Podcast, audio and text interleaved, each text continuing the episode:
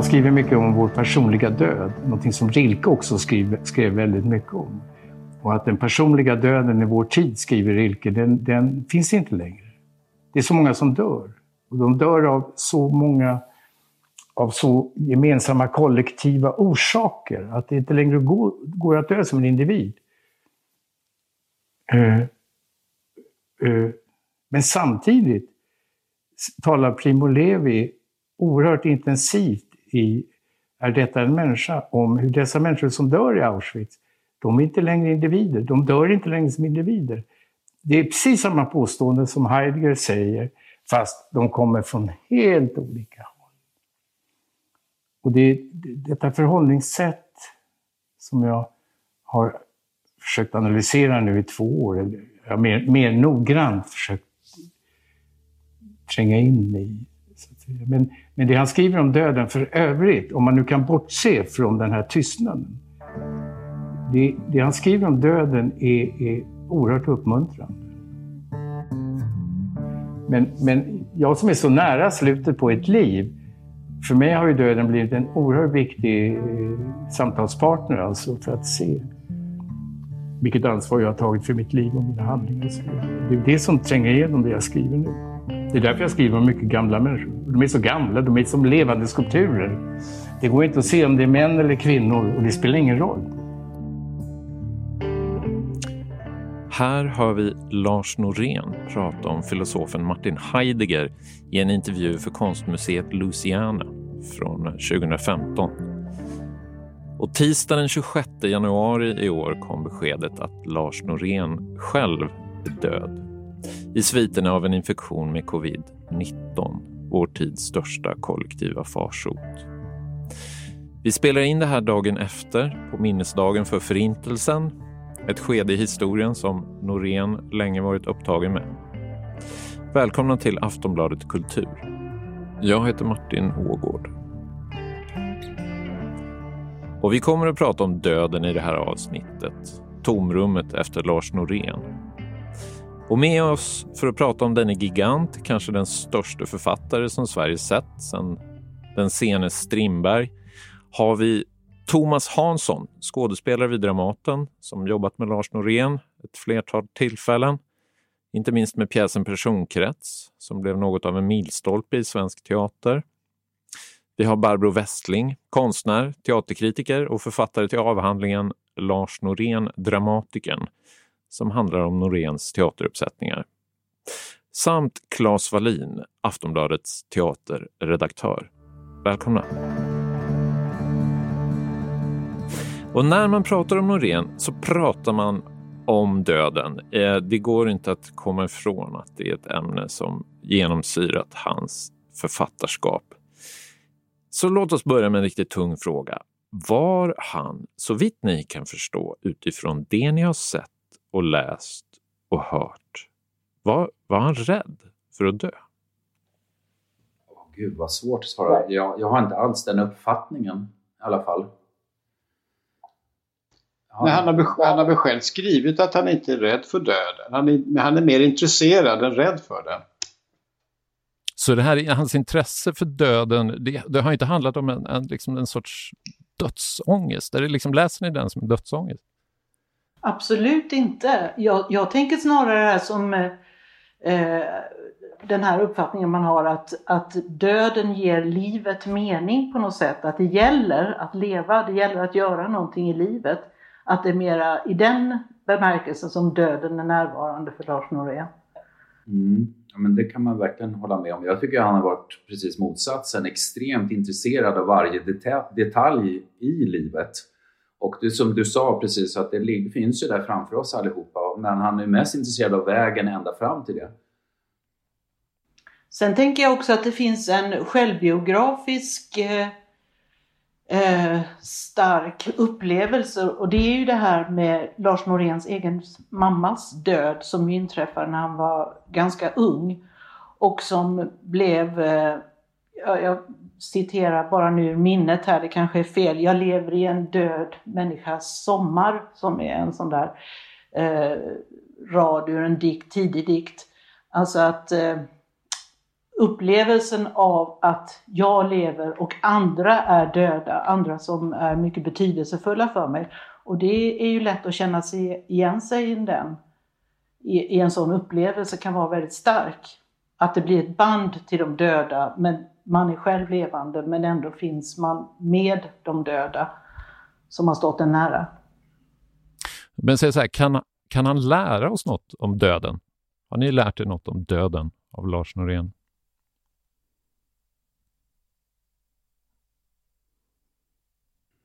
Inte vad jag kommer på direkt. Mer än att... Det är svåra frågor, men det passar, passar nog Men alltså, just han, idag. han kallade ju borgare för levande döda. Alltså det var ju, det var ju väldigt mycket de här, att han, paradoxerna där. Att han kallade levande människor för levande döda. Och också i den här bemärkelsen då att man kan leva som en död. Alltså det kan man väl eh, återigen då återvända till att, att, att, eh, att allvaret i livet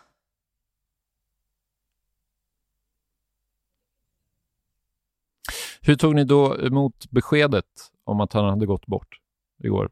Thomas? Ja, som sagt, det, är ju, det var ju som det är. Chockartat såklart och med en stor sorg. Och minnena kom ju till en direkt, både med Lars och, och hans dotter som jag också känner. Så det är klart att det spelades ju upp alla de tiderna och alla de repetitioner och allt det vi har gjort tillsammans och samt och alla andra pjäser där han inte har varit närvarande. Så det kom ju direkt, sköljde ju över en såklart. Och med en stor sorg eftersom jag tycker att han är vår absolut mest fantastiska dramatiker. Stod ni varandra nära? Nej, det ska vi inte säga att vi inte, inte på ett personligt plan stod inte varandra nära. Men eh, när man jobbar ihop under några produktioner så kommer man ju varandra nära ändå. Och sen eftersom jag kände hans dotter så, så hade jag ju, kände jag en, en viss närhet i alla fall. Men inte, inte sådär mer än ett, ar, mer än ett arbetsperspektiv. Faktiskt. Klas, hur, hur upplevde du gårdagen? Ja, nej, jag ty- det, det är klart att det var en chock. Det var ju känt, men det var ju bekant i alla fall att han var dålig och har legat inne för covid ett par veckor. Eh, men ändå så det var ju alldeles för tidigt. Han hade ju, dels, alltså 76 år är ju faktiskt idag ingen ålder. Och han hade ju så mycket kvar. Det var ju uppenbart att han höll på fortfarande. Han hade pjäser, han hade dagboken och säkert annat. Eh, och han har ju själv sagt någon gång då att han om sig själv eller om det var om någon annan författare att en del författare de kommer till en punkt där de känner att nu är jag färdig, nu har jag fått skriva det jag ville och behövde. Men han kom ju inte dit. Och det är ju alltså allt detta som vi inte fick. Va? Det tycker jag är förtvivlat sorgligt. Han var inne i en ganska produktiv fas de senaste åren. Ja, när var han inte det? Ja. Ja. Han har, det finns, mycket, finns det mycket ospelat material av Norén nu? Väldigt Ja. mycket. Ja. Hur mycket? Ja det, säga, ja, det finns väl liksom eh, säkert ett 50-tal pjäser som ligger i mer eller mindre obearbetade former eller utkast och sånt där. Så att, eh, ja. jag vet inte vad som händer med, med allt det här materialet. Men alltså, när jag höll på med min forskning då så, så gick jag ju ganska mycket i arkiv, både på teatrarna och eh, Bonniers och ja, regissörer som jag intervjuade som visade pjäser som, som de hade fått skrivna till sig och så vidare. Alltså det är ju en oändlig mängd. Alltså det är ju en, en, en ocean av texter. Och också det här att det finns så många texter av Norén som aldrig har spelats. Det är också alla de här det är som en surdeg av, av material som ligger och, och finns i olika pjäser. Alltså det är oöverskådligt också som ett material. Men även just enskilda pjäser som inte har blivit spelade och också ofta på grund av att eh, man har ansett att vissa pjäser har liknat varandra för mycket. För han skrev ju ofta pjäser som, som var sviter, alltså det ser man ju speciellt i de senare under 2000-talet där han sammanförde dem, när de publicerades nu, i, eh, eh, alltså i, ett, i en enda volym som rymmer då en rad olika pjäser och även också eh, sådana pjäser som är fragment. Så man får en inblick i det här, hur, hur han jobbade som dramatiker. Så det, visst, det finns jättemånga oskrivna, ospelade, skrivna pjäser. Men har det varit så pass mycket så att han har blivit nobbad av teater? Att han har kommit med, här har jag ytterligare en, en pjäs, men nej, Lars, den här ja. påminner för mycket om den förra. Ja, men alltså teater är ju, ja, alltså det är ju en, det måste ju ha en publik. Och eh, det är det som är så fantastiskt att Lars Norén lyckades med detta, att skapa ett sådant intresse på scenen för pjäser som liknade varandra så mycket. Man gick och såg Natten i dagens mor, om jag nu börjar med genombrottspjäserna här. Natten i dagens mor, man såg Kaos i granne med Gud, man såg Stillheten. Alla tre handlar om samma familj, men gjorde det på sånt fantastiskt upptäckande sätt så att man tröttnade inte. De flesta gjorde inte det i alla fall. Ska vi ta och gå igenom det här nu? Hur blev Lars Norén den, den store teaterman som han var? Han, han började som eh, 19-årigt underbarn, poet med några diktsamlingar och skrev ett antal pjäser redan tidigt, va? varav eh, den första, Försteslickaren, fick usel kritik. Årets sämsta pjäs skrev P.O. Enquist i Expressen. Det gick inte så bra, men sen där i början, slutet på 70-talet, början på 80-talet, då hände någonting. Vem? Ja, men det var ju med natten med Dagens mor som blev det stora genombrottet. Och det var väl också det, den där kom ju efter den här så kallade politiska plakatteatern. Det blir ju någonting helt nytt som kommer in som svensk, i svensk dramatik. Och han hade väl också, jag vet inte om tur är rätt ord, men han fick ju, det blev ju väldigt bra uppsättningar. Alltså jag, långt innan jag höll på med den här egenartade sysslan som gör att jag sitter här, Eh, så såg jag Natten och Dagens mord på Dramaten 1983. Och jag minns den fortfarande. Det var en otroligt stark uppsättning. Och jag tror att det var väldigt få föreställningar på den tiden som gjorde ett sådant intryck. Framförallt inte den, det slags pjäser. Va? Det var inte en klassiker, det var ju nyskrivet och det var någonting som skilde sig rejält ifrån annat som spelades åren innan inte minst. Hur var och, situationen i svensk teater då? För att jag menar, e egentligen är det väl inte något sensationellt nytt. Det är ju väldigt mycket Eugene O'Neill. Det är fyra människor i ett rum med fyra väggar som, som uh, gör upp med varandra under en begränsad tidsrymd. tidsrymd. Men, det här, men, samtidigt, men samtidigt, det var inte van vid då. Därför att det var ju inte så att plakatteatern höll på ända fram till, alltså den politiska teatern höll på ända fram till, utan det har varit ganska mycket en vacklan. Hur går vi vidare? Därför den perioden under 70, tidigt 70-tal hade ju varit väldigt stark med den samhällsengagerade teatern. Sen kom det det här vakuumet och i detta vakuum kommer Norén in starkt förankrad i traditionen, i O'Neill och så vidare. Men O'Neill hade inte heller spelats på svenska scener under en lång tid. Han kommer och alla upplever detta som fullständigt nytt fastän det anknöt så starkt till dramats tradition. Därför O'Neill i sin tur bygger ju på eh, de gamla grekerna och så vidare. Så både O'Neill och Norén tog ju dramat på ett sånt allvar och gav också över bollen till skådespelarna och till publiken. Så det blev, man passerade nästan regissören där och att det blev liksom publiken och skådespelarna som knöt ett jättestarkt band med Norén från början i och med de möjligheterna som både publik och skådespelare hade att skapa på scenen och, och vara med under i salongen. Thomas, såg du de där tidiga pjäserna också? Ja, jag, jag, den, jag såg ju också på Dramaten 83 där som jag, för mig personligen, då var jag bara, gammal var jag då? Jag var 21 år och hade precis satt igång med min teaterbana och den det var ju något helt nytt. Det var ju språkligt så var det, dialogen var något helt annat som man inte hade varken sett eller hört förut. Och det gick inte, när man, jag kommer ihåg när jag såg den där första gången, eh, att det gick inte riktigt att ta på vad är det som händer med en? Varför tycker jag att det är så bra? Jag kunde, och jag tror att det är en av de få pjäser som jag har sett flera gånger faktiskt i mitt liv. Eh, men det var någonting som gjorde att man förstod hans texter som skådespelare intuitivt. Det var inte komplicerat. Eh, det tilltalade till hela ens kropp och, och själ på samma gång. Det var inte någonting som man var tvungen att analysera på ett djupare plan faktiskt. Utan det var begripligt och ändå med otroliga bottnar som det, inte jag hade sett förut. Det måste ju varit en sån fest för skådespelare, eh, tänker jag, som yrkesmänniskor, att få möta liksom de här Norén-pjäserna. Om man jämför med 70-talet då. Jag menar att skildra arbetarrörelsens historia, tält, absolut fantastiskt. Men här är ju liksom, det känns som att här är ju psykologin tillbaks i teatern. I teatern. Ja, psykologin och så också språkspelet, alltså det här hur människor bemöter varandra i dialog. Han verkligen erövrar ju dialogen som spänning och som eh, upptäckande. Alltså man säger ju lite slappt att det är realism eller det är naturalism eller det är, och så är det lite sådär förklenande, att det är igenkännbart, att det är bekräftande, att det kommer, alltså det, det är inget. Jag menar att Norén gjorde detta till någon slags eh, spännande. Man visste inte, kan människor prata på det här sättet? Hur är det begripligt? Hur kan du fatta vad jag säger när jag säger något sånt här?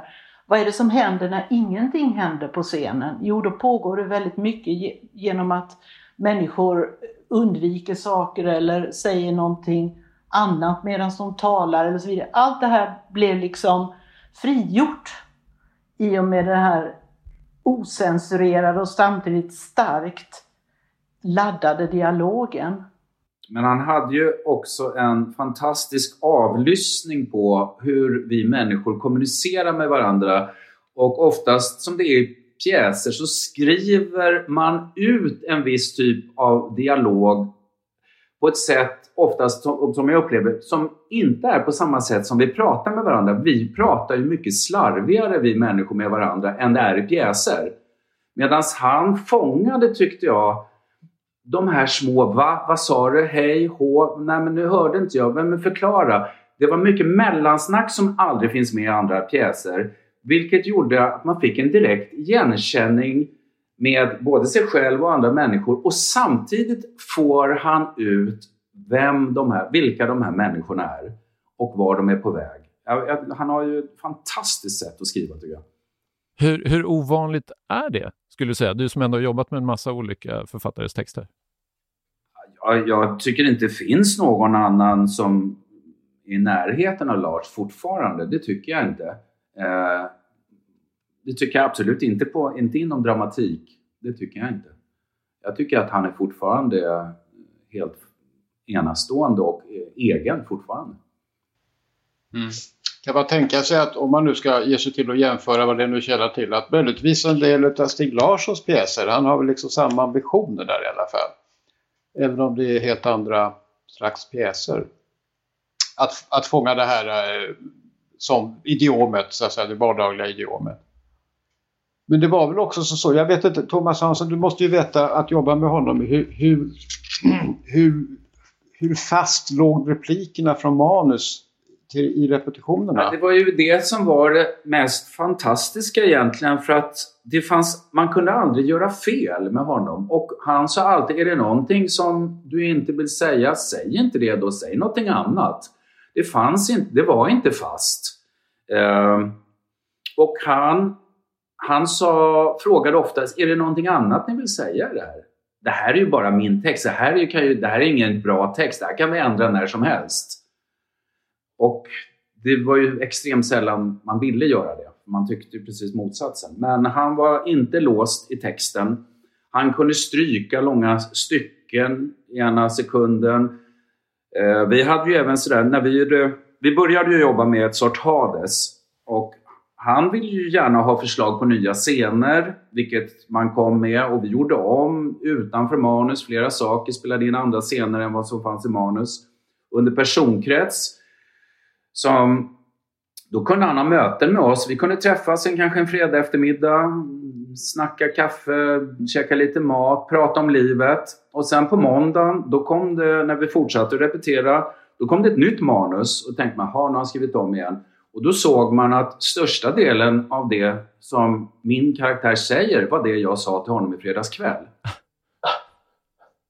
Och vi, vad gjorde alla? Vi berättade alla för honom massa olika saker om våra relationer eller andra historier som han bara direkt överförde direkt till ens egen karaktär. Vilket till första känslan var, känner man sig nästan lite kränkt. Lite avlyssnad? Ja, och sen vändes det till att man blev stolt. Men så kunde det gå till, så det fanns ingenting. Och han sa oftast som sa han, vänta, ta din tid. Om du inte förstår det så vänta tills du förstår det. Då säger du, du kan ta hur långa pauser du vill. Och sen sa han ju en sak som jag fortfarande bär med mig. Eh, han sa egentligen bara en sak hur man skulle göra, hur man skulle spela teater. Det var att försök att få din medspelare att förstå vad du menar. Men din medspelare behöver aldrig förstå vad du menar. Men om alla försöker få sin medspelare att förstå vad den annan menar, menar då blir det rätt energi. Ja. Och sen om man inte riktigt förstod någon situation så berätt, han sa aldrig vad man skulle göra eller hur man skulle göra någonting. Då berättade han bara om man var någonting som man undrade över. Då berättade han om karaktären. Den här karaktären kommer från det och har gjort det här och är där och har såna här i sin, i sin tankevärld, tänker på de här sakerna. Jaha, sa man. Och då fattar man precis vad man skulle göra sen. Så att man fick alltid den egna upplevelsen av att man var, den som skapade. Det låter ju så oerhört ödmjukt. Alltså, det är ju så långt ifrån genikult och, och liksom självöverskattning man kan komma. Även om liksom Norén för många är just ett geni och en, en sån institution. Uh. Geni alltså, ligger väl, låg väl i själva hans avlyssning av någon form av autenticitet tror jag. Uh, och var det någonting som man märkte hos någon som inte låg rätt i munnen, då sa han ju inte att det var dåligt eller fel, utan då sa han att det var... Då förklarade han, jag tror att den här karaktären kanske menar någonting annat egentligen. Då förklarade han, eller så skrev han bara om. Men just det där, är det inte det som är så oerhört eh unikt och, och annorlunda med honom. Den här, att ha förmågan att ha en sån mottaglighet. För de flesta av oss ju, stänger ju av, att man orkar inte ta in så mycket eller man är inte så uppmärksam. För egentligen mottaglighet förutsätter väl också att man är uppmärksam. Och hans uppmärksamhet på möjligheter och vad människor säger och vad de menar, det verkar ju ha varit exceptionell. Men just att en författare som ändå kanske är mån om att skapa sina egna ord har denna mottaglighet och ser, alltså det, det, det är oerhört fascinerande och det är väl det också som märks i dagböckerna. Den här uppmärksamheten och mottagligheten eh, och förmågan att, att jag också förädla detta till repliker, ord, text. Jag tycker också att hans, alltså begåvningen ligger i det att han är så bra på att avlyssna på att orden är ju oftast ett försvar för att slippa tala om vem man är. Man försöker ju oftast framhäva sig själv och vara lite bättre och så försöker man hitta på massa saker att säga. Medan hans begåvning var ju det, vad är det vi säger, som vi inte säger som är det intressanta? Och med orden som vi försöker dölja oss själva med berättar ju så egentligen mycket mer om vilka vi är. Men han var ju så intresserad i tystnaderna och det vi inte sa. För, för lyssnarnas skull nu så kan vi berätta, nu pratar vi då om pjäsen Personkrets som kom eh, Ja, ja, men bland annat så gör vi det. Eh, och det, den kom, eh, vilket år? Eh, 97. Eh, och det är ju en pjäs som handlar om, om individer på samhällets absoluta botten. Det är eh, missbrukare, eh, uteliggare, eh, och det är ju väldigt långt ifrån de här då borgerliga pjäserna som Norén introducerade på början på 80-talet. Hur gick resan dit till för Lars Norén? Varför sökte han sig till att berätta de historierna? Uh. Han var, ju, han var ju redan där i poesin på 60-talet. Så att det, det, det, var ju ämnesområden och människor och eh, psykologiska mekanismer och sociala som, som alltid har intresserat honom. Men sen när han, och dramatiken på 70-talet var ju experimenterande. Det var ju inte de här borgerliga familjedramerna som sen så sakta vidgades kan man säga till, till samhället i stort och framförallt till de i samhället som inte hade en röst. Så att jag tror inte att det var, det är inte så märkligt Men hur skulle Han har ju alltid gjort beskriva... flera saker samtidigt. Hur skulle ni beskriva Lars Noréns 90-tal? då? Ja. Men, men alltså, hans metod, om man kan säga så, var ju att han, lite det här jag pratade om tidigare, det här med att han skrev i sviter, att han tog någonting, hade någonting, ett stoff, personer, miljö, förutsättningar och sen tog han sig igenom det. Han, han arbetade sig igenom det och tömde det på något sätt. Och sen var han tvungen till att gå vidare, eller tvungen till... Han har- var ju mycket bra på att omskapa sina förutsättningar hela tiden och förnya sig och inte hålla fast vid någonting. Och då förflyttade han sig och, och tog nästa eh, förutsättningar, nästa. Alltså det var någon slags... Vilka sviter om- kan man, kan man prata om då? När det gäller Lars Norén? Ja, hans borgerliga kantetter, hotelltrilogin och sen då de här lite mellanpjäserna där det både är släktingar och vänner och teaterkretsar. Han skrev ju också om sina egna, om, han skrev ju både ut med sin egen självbiografiska axel kan man säga och också i förhållande till sina, sina egna miljöer, att han skrev om teatermiljöer, om skådespelare och dramatiker och, och så vidare som också var, om man ville känna igen så kunde man göra det. Och sen då det här, nej, detta är färdigt, det, den borgerliga världen är förljugen, teatervärlden har också sina, jag måste gå, gå vidare i min verklighet, att, att tränga vidare, var finns sanningen? Som han sa, sanningen finns bland de utslagna, det är det som intresserar mig.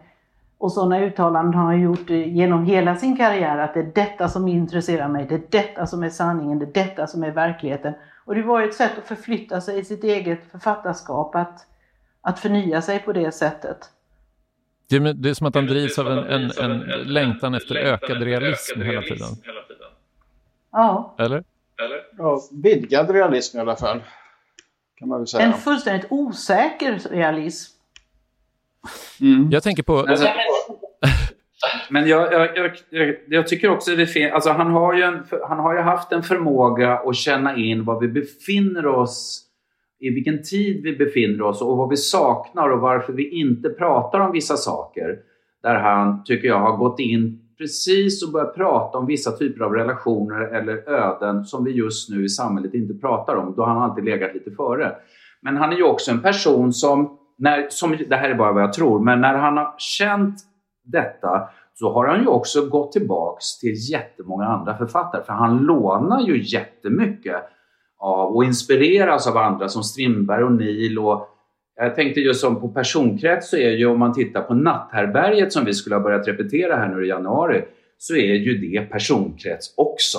Ja. Natthärberget har varit. Den är ju liksom, jag hade faktiskt inte läst den innan förut om någon anledning och började läsa den och såg det. Men vad fan, det här är ju personkrets! Fast det utspelar sig i början på 1900-talet. Berätta lite mer om pjäsen. Vad, vad, hur ser den ut? Na- Natthärberget? Natthärberget handlar om precis samma människor som i personkrets. Det finns till och med rollnamn i den som finns med i personkrets. Som handlar om de som är längst ner på botten som, som eh, lever i, runt ett natthärberge i, i, i Ryssland. Eller Sovjetunionen. Eh, Men det finns väldigt många likheter. Så att det är inte långt därifrån. Jag kommer ihåg när jag såg eh, Lars Norén när han var på Riksteatern och satte upp eh, Primo Levis eh, om detta är en människa som han hade bytt namn på, Är detta en människa heter det. Eh, och han hade då regisserat Mikael Nyqvist som också har gått bort ganska nu nyligen. Eh, och Micke Nyqvist stod då med fötterna ihop, käpprak i ryggen och rabblade det här vittnesmålet från, från de nazistiska dödslägren i två timmar eller någonting. Och det var ju uppenbarligen en kapitulation för, för, alltså för Noréns sida som regissör. Ett sätt att säga så här, teatern kan inte gestalta de här grymheterna, men vittnesmålet måste ut. Här står vittnet och, och rabblar för er. Eh, det var såklart en utmaning när den turnerade runt med Riksteatern i, i Orsa inför några personer i publiken. Men vad jag vill komma till är tvivlade Norén mycket på teaterns förmåga? Alltså var det det han brottades med? Eh, så här, om han, eftersom han, han sökte ju sig till amatörskådespelare ibland, han, han sökte sig ut i marginalerna på samhället, han, han gör sådana uppsättningar då, då liksom all gestaltning är borta. Han satte upp en tyst pjäs eh, på Dramaten, han skrivit en... Eh, var, tvivlade han på teatern? Nej, nej, han tvivlade inte på någonting som hade med text att göra skulle jag säga. Han var ju verkligen som, som Ulf Olsson kallar honom, språkmaskin. Alltså, allting gick ju, allting ville han och omvandla till text. Och sen så kan man ju säga också i det han har skrivit att, att det är inte alltid självklart kanske när han skriver var det ska hamna, om det ska bli poesi, prosa eller dramatik. Så att jag tror inte att han tvivlade på, han kan mycket väl ha tvivlat på svensk teater i största allmänhet, det kan ju vem som helst göra. Eh, men, men, alltså på, teatern, på teater som konstform från honom själv, det tror jag inte han tvivlade ett dugg på. Han älskade ju skådespelare, så var det också. Ja, det, var ju, det gjorde han, verkligen. Men vad jag också vill komma lite med den här frågan då, det det, det fanns ju en drivkraft som gjorde att han sökte sig till att göra pjäsen 7-3. Eh, och för då lyssnare som inte vet vad det är så är det ju kanske den mest skandalomsusade pjäsen i svensk historia. Han satte upp den med några eh, fångar som eh, eh, det här var då vilket år var nu detta? Här får jag klippa lite tror jag. Uh, det är 99 va? Nej? Ja, där någonstans. Eh, som efter personkrets, precis. Eh, då, I personkrets har han sökt sig till, till liksom samhällets marginal och nu söker han sig till verkliga fångar Eh, först blir det en stor debatt för att de uttrycker nazistiska åsikter på, på, på scenen. Sen rymmer några av dem och dödar två poliser efter ett bankrån. Eh, hur hamnade Lars Norén där? Ja, var det Lars Norén som hamnade där egentligen? Det var ju, jag, alltså vad jag förstod om nu är det här så pass länge sedan. Men alltså, å ena sidan så, så är det väl sagt som så att den minst skyldige i hela det där debaclet var ju Lars Norén. Om det var någon som var skyldig så var det Kriminalvårdsstyrelsen. Och, och, vad som hände efter pjäsen det kan han inte ha någonting med att göra. Eh, Mm. utan det var väl en, en utväg. Han ville väl pröva och se vad som skulle hända. Det var ju också sätt att driva teaterrealismen ett steg längre. Eh, och det här var, jag menar idag så, vad ska vi kalla det, det dokumentära eller det här att liksom blanda ihop verklighet och fiktion. Som många konstarter lever på numera och det är alldeles självklart. Det var ju fortfarande relativt nytt där. Han ville väl helt enkelt se vad som skulle hända. Jag vet inte om han hade några förhoppningar om de här amatörskådespelarna. Det kanske han hade. Eh, men eh, och det slog mig idag faktiskt att det här var inte ens ett ovanligt grepp just då. Eh, Jan Jönsson, om ni minns, var ju, gjorde exakt ja, samma sak med fångar på Kumla och i San Quentin. Och hans fångar rymde också. Och det gjorde vi en film på som hette Vägen ut, exakt. även om den var i komediform. som hade premiär typ någon vecka efter 7-3. Eller ungefär samtidigt som 7-3, eller hur? Och Jan hade ju hållit på mycket längre med det där. Men... Och Norén kallades ju till eh, fängelset av de här fångarna för att ersätta, eh, heter hon Birgitta Palme? Som var på Göteborgs stadsteater. Så det var de som tog kontakt med honom att de ville när de, hon skulle ersättas så var det bara en person de ville jobba med och det var Lars Norén. Så det var inom ramen för det här att man arbetade med fångar på, på, på, eh, med olika saker som, som intresserade dem, som någon slags rehabilitering och så.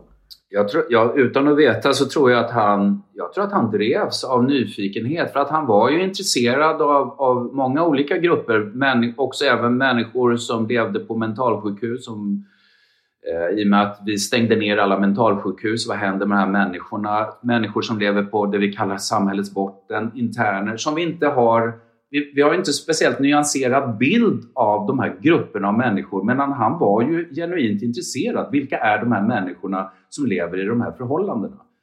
Jag tror att han var genuint nyfiken bara. Det här, men det här var ju en enorm eh, debatt vid tiden. Eh, skadade den Lars Norén? Blev han stukad av den debatten? Alltså Norén blev ju aldrig svaret skyldig. Han, alltså det har ju alltid hänt jättemycket kring honom. Alltså det har funnits en dramatik kring Norén hela tiden.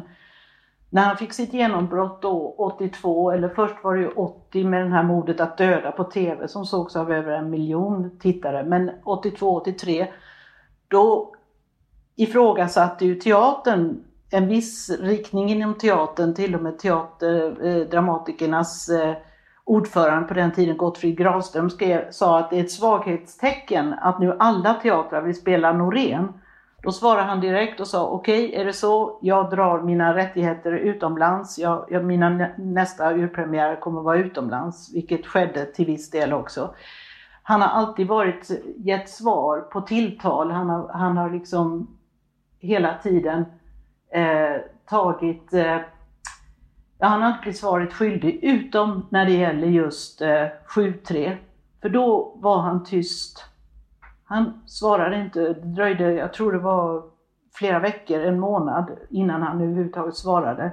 Eh, eh, gick i svaromål till alla de här anklagelserna, vilket är fullt förklarligt. Men jag tror att för honom själv Eh, som ju då var ledare på Riksteatern och efter det kom ju Primo Levi-pjäsen som du nämnde Martin och det kom också ransakningen av Peter Weiss som handlade om eh, förintelsen och överlevarna och så.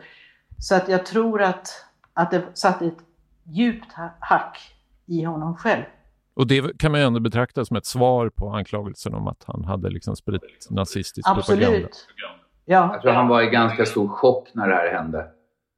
Precis som väldigt många andra. Jag tror att han blev ganska chockad över att, vad som hände med de här internerna och det som hände med offren och så. Det tror jag. Jag tror inte ingen kunde ha förutsett det. Men tror ni att hans skapande efter 7-3 har varit ett, ett svar på det? En kommentar till, till vad som hände då?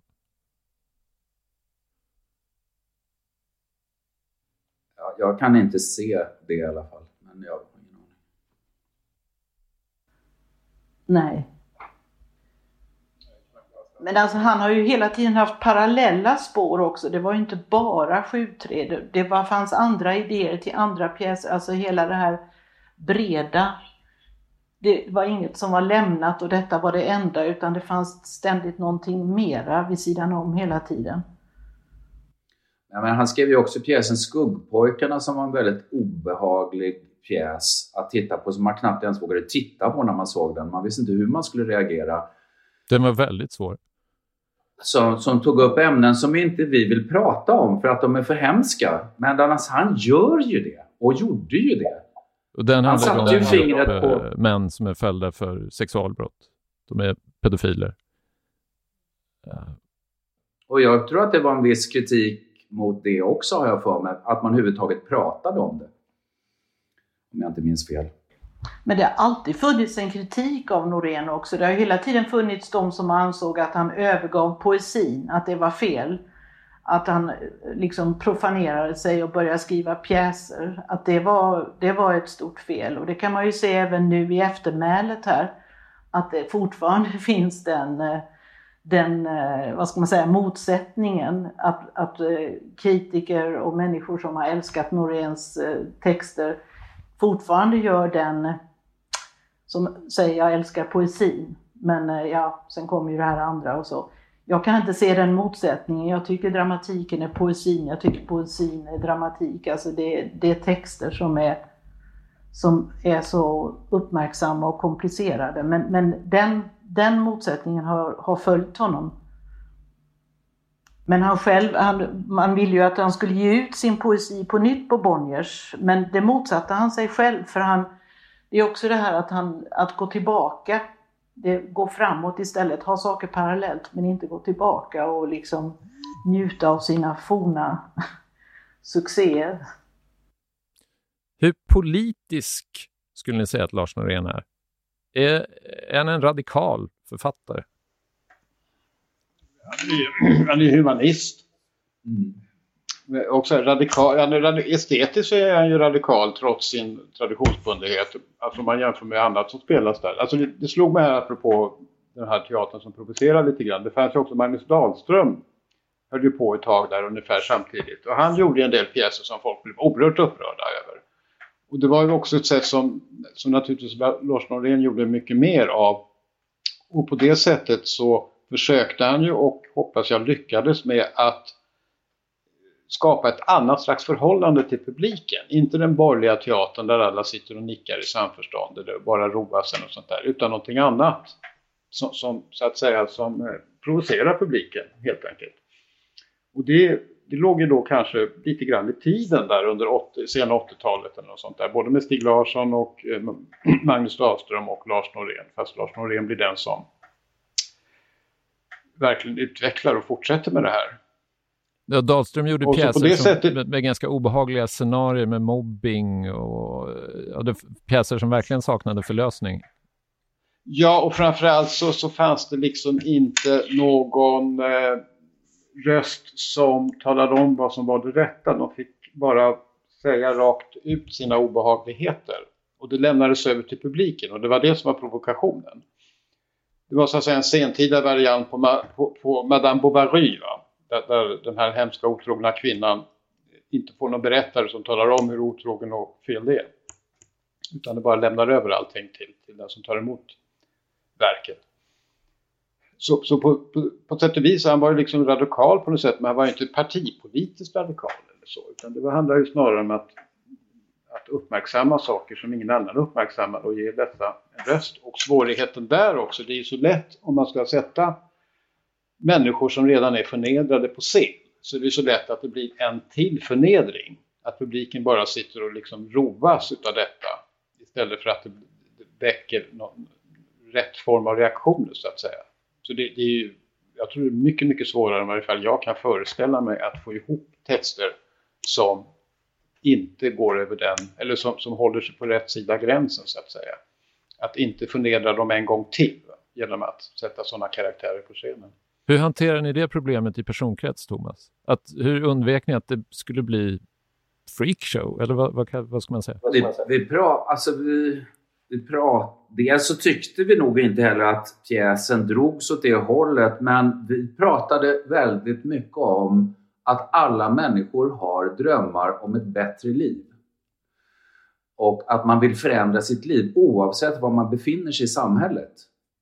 Så att vi prat, det var mest där vi låg. Vad, hur vi, alla de här människorna i personkrets vill förändra sitt liv. Däremot så kanske man inte klarar av det. Men det som driver en framåt i vardagen, i livet, är att förändras. Att få ett bättre liv än vad man har. Det pratade vi om. Vi pratade, ja det var nog mest det vi, vi pratade om tror jag.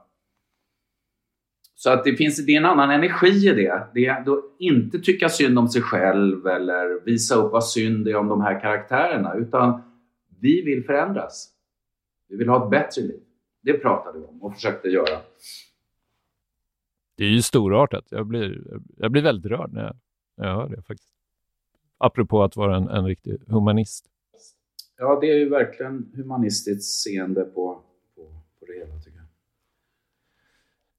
Eh, vi måste ju Men prata samtidigt också... Tänker jag, jag tänkte bara på, som du sa Claes också, det här med att radikaliteten kanske ändå var väldigt mycket estetisk. Just det här som du var inne på också Thomas, det här att, att han som författare var så beredd att göra om och sätta parentes kring sin egen text och, och, och gå vidare och, och inte bry sig om vad han hade skrivit utan, utan tänka nytt. Att det, det är väl ändå en väldigt ovanlig kvalitet hos en författare skulle jag säga. Ja, man kan ju verkligen säga att han var ju inte rädd för att stryka i sina egna pjäser och kasta bort. Jag kommer ihåg faktiskt när vi första gången skulle ta igenom den där personkrets. Då tog den 12 timmar. Och då sa vi klockan, vi började 12 på dagen och klockan 12 på natten sa vi, men Lars, alltså det här kommer inte gå. Vi kan inte spela i 12 timmar. Äh, men jag går hem och stryker under helgen. Då kom han tillbaks på måndagen och så drog vi igenom den. Då var det nio timmar. Och sa, men Lars, vad fan nio timmar? Ja, och så höll vi på och då var han lite sur. Han ville inte riktigt gå med på att vi skulle ta ner. Men till slut så kom vi fram, det blev väl sex eller sex och en halv någonting till slut i alla fall.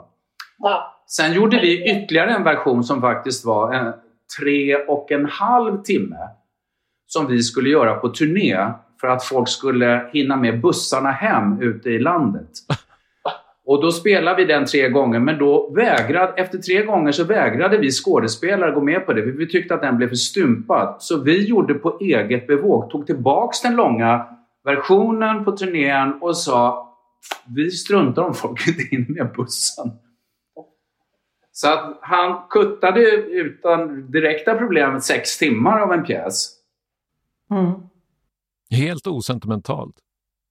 Jo, och det, det berättade just Gunnel Lindblom också som ju var en av de som satte upp, eh, hon gjorde bara en av hans pjäser, Orestes 1980 på Dramaten.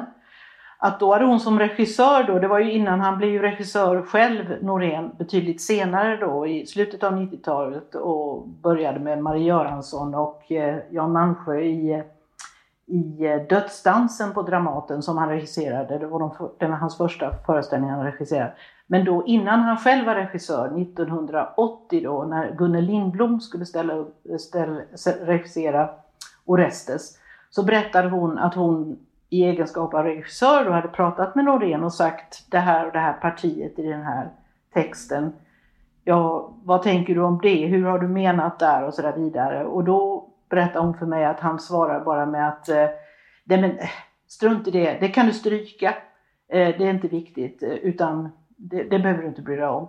Och hon var, som var liksom skolad i det här med texten är helig, den ska tolkas, jag måste som regissör förstå eh, detta så att jag kan göra det på bästa sätt som regissör. Hon var ju helt chockad över att, eh, över att han var så lättsinnig tyckte hon då i förhållande till sin egen text. Eh, så så det, det var ja, tidigt som han, eh, även innan han var regissör, som han förstod att man kunde eller var villig att, att ändra så mycket. Men apropå stora textvolymer, vi måste ju prata också om eh, det, ett verk hos Lars Norén som kanske börjar överskugga mycket av hans andra verk nu, nämligen dagböckerna som kom ut. eh, började komma ut eh, för, eh, nu blir det paus här igen, tio år sedan. Vad, hur förändrades er bild av Lars Norén av dagböckerna? Klas? Eh, ja, det förstorades möjligtvis. Eh, jag vet inte om den förändrades så mycket, men alltså det är ju någonting annat det där. Alltså det är både någonting annat och samma sak, så att säga. Eftersom han, samtidigt som han har skrivit de här dagböckerna med de här otroliga textmassorna, som få, om någon kan skriva på det sättet. Jag menar, hur många författare kan, kan liksom berätta om hur det är att gå ner och ta bussen och se en ful människa på vägen och undra hur det står till i bilens soppkök. Och man tycker det är spännande. Och det har ju lite grann att göra med att man vet aldrig vad som ska komma i nästa mening. Va? Utan det bara rinner på, även om dagböckerna naturligtvis är redigerade. Men det här är ju ett annat sätt att genom språket komma åt någonting hos människan. Hos honom själv eller hos den han kanske är eller inte är. Det är ju en som man säger, psykologisk filosofisk undersökning utav subjektet i världen. Eh, och eh, det är ju någonting som, det har ju funnits i dramatiken, han undersöker ju människan i världen. Det finns ju där människor, olika människor i världen, världen hur den ser ut omkring människorna. Så det, jag skulle säga att det är, det är bara ytterligare ett sätt att fortsätta en tematik och, eller ett intresse som han alltid har haft det är fantastiska texter. Alltså. Verkligen. Barbro, vad säger du? Upptäckte du en ny sida hos Norén i dagböckerna? Nej, men alltså jag vet inte. Eh, det finns en risk när man pratar om Norén och jag, och jag känner det här nu också att allt flyter samman och det är så mycket att säga och materialet är så stort att säga. Men jag tänker, han kallar ju sin dramatik för dagbok för scenen. Det har han gjort hela tiden. Vad menar han med det? Och han menar, tror jag, med det, dels rent tekniskt. Han skrev ju sina manus så att han skrev datum för den dagen han satt och skrev och sen skrev han då vidare på scenerna. Och sen var det nästa. Så, skrev, så det var rent faktiskt så ursprungsmanus ut på det sättet. Alltså att det var som dagboksanteckningar varje dag och så fortsatte han och så var det uppehåll och så vidare. Men sen tror jag också att för honom, eh, alltså att scenen var och det som om, omgivningen, miljön, även i hans eget liv, uppmärksamheten på detta eh, var jaget. Alltså, och därför menar jag också att dagboken kan lika gärna förstås som en scen. Alltså att den här, de här två kärlen som på något vis kommunicerar, jaget och världen som du säger Claes, och också eh, alltså att jaget kanske inte finns där utan det är den här oändliga uppmärksamheten på allting som är runt omkring. Försöker du säga också att man skulle kunna sätta upp dagböckerna på en scen? Nej.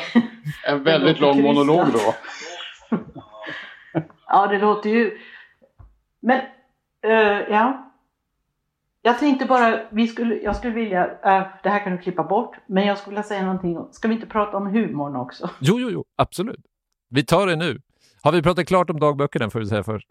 Nej, det kanske vi inte har. Vi gör det först och sen så tar vi humorn.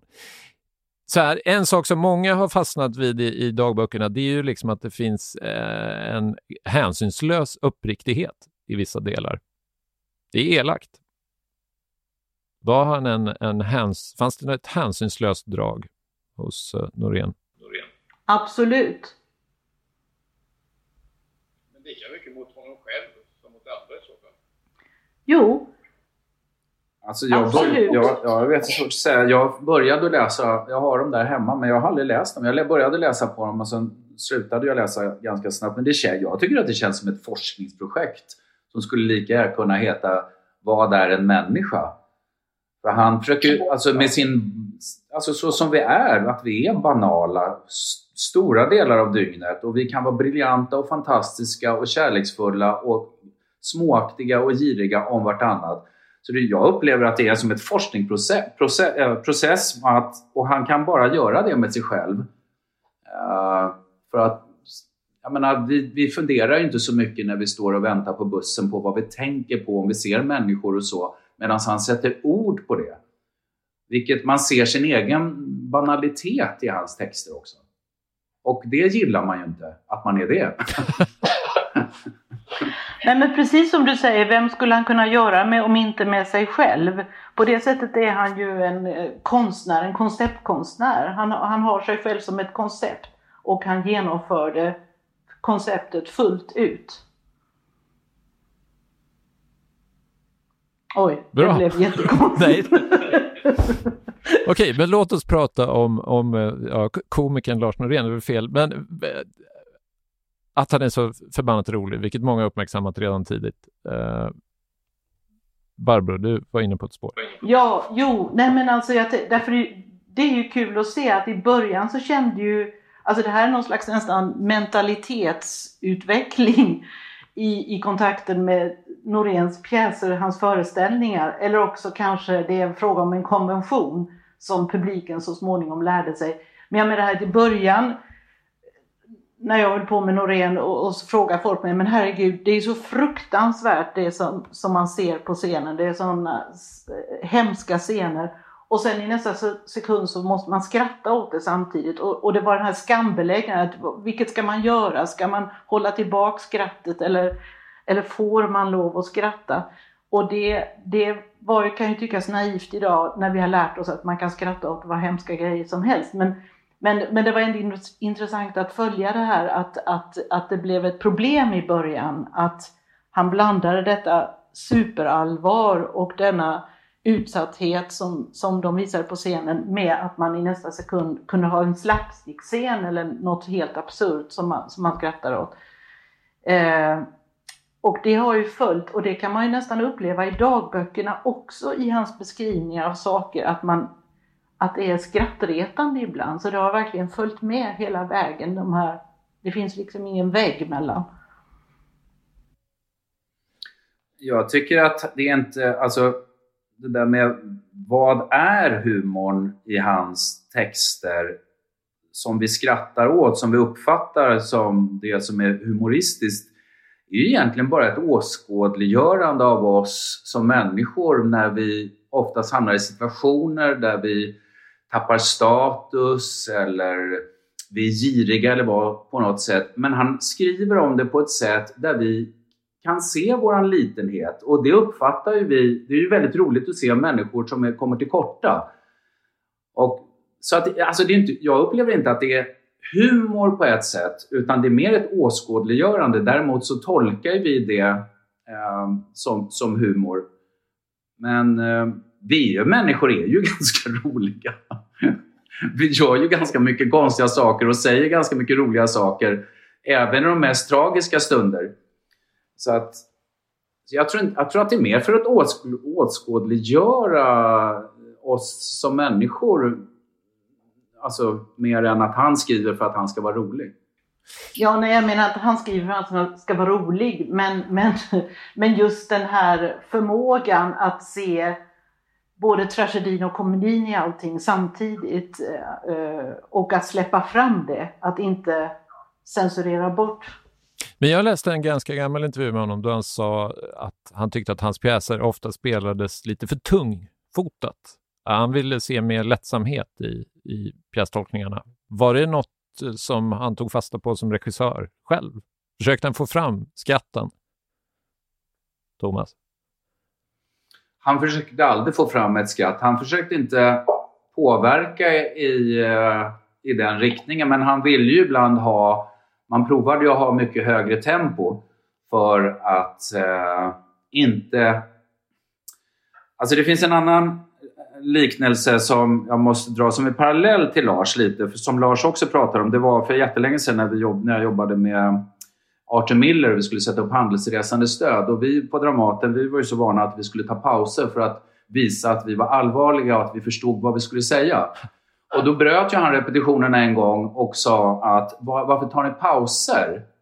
Om ni tar pauser i, i den här pjäsen, i Handelsresans död, då tror folk att det finns en viktig text bakom. Det gör det inte. Inget som de här personerna säger är viktigt. Det är att de inte tar pauser som är intressant och vad de inte tänker på att de säger. Och lite så är det ju också med Noréns texter, att man... Det är det direkta, det som intuitiva som ska komma fram.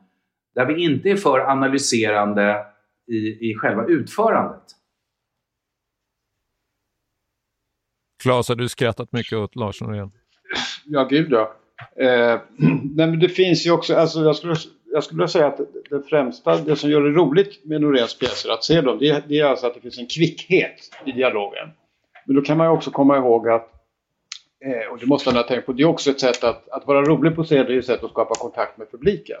Det blir ju ett sätt att, för, för de som kanske tyckte att det var starkt att stå ut helt enkelt. För man vet att det kommer lite kvickheter även i eländet här. Men det är ju det som, vad det gäller dramatiken så är det just den här kvickheten. Dagboken har ju också lustigheter i sig, men det är mer någon slags understatement som kommer fram där. Va? Och det kan man väl också, det är också en slags kvickhet. Där. Så att jag tror också att det finns, precis som Thomas säger, att det är ett sätt att åskådliggöra det här. För det, det, då får vi ju syn på vad det nu är för brister som vi har här, patetiskt eller vad det nu kan vara. Genom att, att helt enkelt visa upp de här, eh, det, det blir en slags skörhet när, när en desperat människa säger någonting som någon annan tycker är lustigt.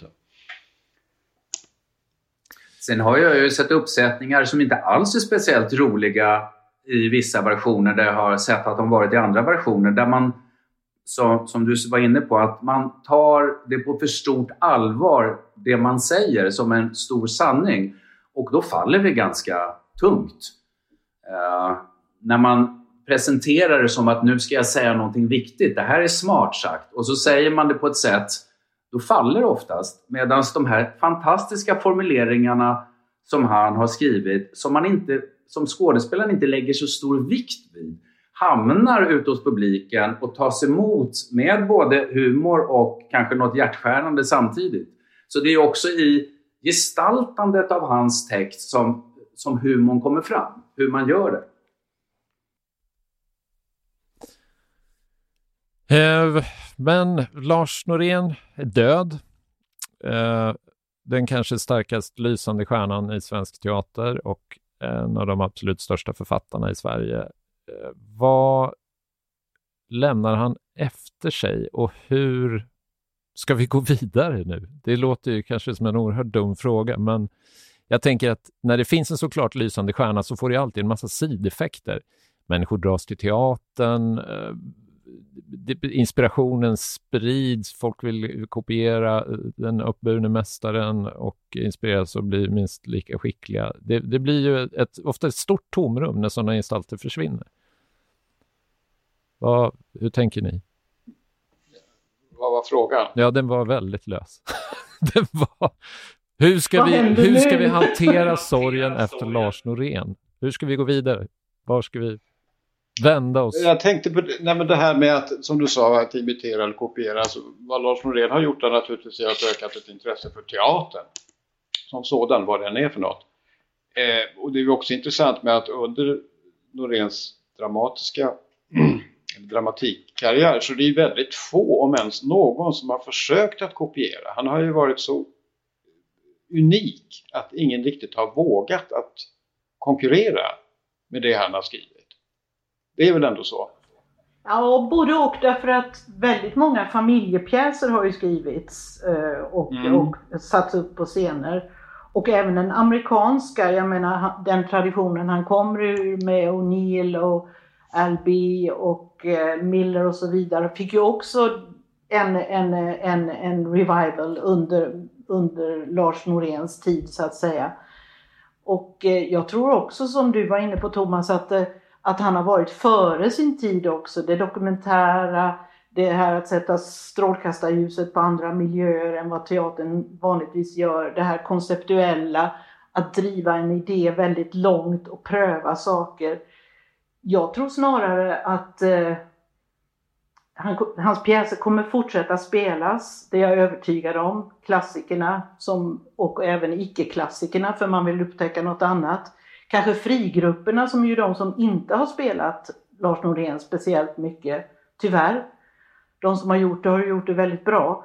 Men, men de kanske kommer att återvända till Norén nu. Eh, men jag tror också att det ligger på svensk teater nu. Vad gör, hur går svensk teater vidare? Ta över stafett, stafettpinnen nu när man vet att eh, den här eh, spejaren framme vid eh, första ledet eh, har lämnat över sin stafettpinne. Det, det, för även om teatern har gått vidare åt olika håll så, så just den här, det här fundamentet som Norén har utgjort nu under 40 år, när det nu väl har tystnat, är borta liksom, så, så tror jag, ja, det är en utmaning verkligen. Ser ni någon tydlig arvtagare? Som skulle kunna bli nästa Lars Norén? Mattias Andersson säger jag med en gång och typiskt då kille till kille. jag, jag, kan bara, alltså, jag kan se en annan, en annan författare som inte skriver som Lars men som jag tycker håller, har samma skärpa i alla fall. Det tycker jag är Sara Stridsberg. Ja, som jag tycker är en fantastisk författarinna. Mm. Claes, vem satsar du på? Ja, nej, jag vet inte. Alltså, man vet ju aldrig vad som händer, så är det ju. Va? Eh, och i första hand så kommer väl Noréns pjäser som Barbro säger spelas igen och kanske spelas på lite annorlunda sätt än de har gjorts tidigare. Eh, det fanns ju länge med hans borgerliga pjäser där en tendens att ta ner det som inte passade in i realismen. Det finns ju ofta lite en del, inte mystiska men en del icke-realistiska inslag i de där pjäserna som många regissörer hoppade över. Eh, men alltså om det finns någon eh, möjligtvis, jag vet inte, Mattias Andersson tror jag mer på i så fall för han har ändå intresserat sig för de ämnesområdena, det har ju Stridsberg också. Men eh, jag tycker det är jättesvårt att säga så sen vet man ju faktiskt aldrig. Jag menar, de närmaste åren är det ganska självklart att han kommer att spelas. Men man vet ju inte vad som händer. Då. Vad som händer med svensk teater. Vilka trender, vilka intressen och sånt där som kommer att Nej, och sen kan man ju tänka så här. Norén uppfann sig själv som dramatiker. Han lämnade sin hyllade position som poet och blev dramatiker. Det kanske är någon som kommer från en helt annan, det kanske är en konstnär som är vår nästa Norén. Det kanske är en poet igen, det kanske är, vi vet inte, det kanske kommer från ett helt mm. annat håll. Det kanske krävs den här nyfikenheten på dramat på scenen som kommer från ett annat håll än från det vi, där vi söker nu när vi tänker. Ett fromt önskemål där. Jag tror vi är dags för oss att runda av. Uh, vi har pratat om Lars Norén som gick bort igår. Uh, Sveriges största dramatiker på många, många decennier. Tack Barbro Westling, tack Thomas Hansson, tack Claes Wallin. Martin Ågård heter jag och ni har lyssnat på Aftonbladet Kultur.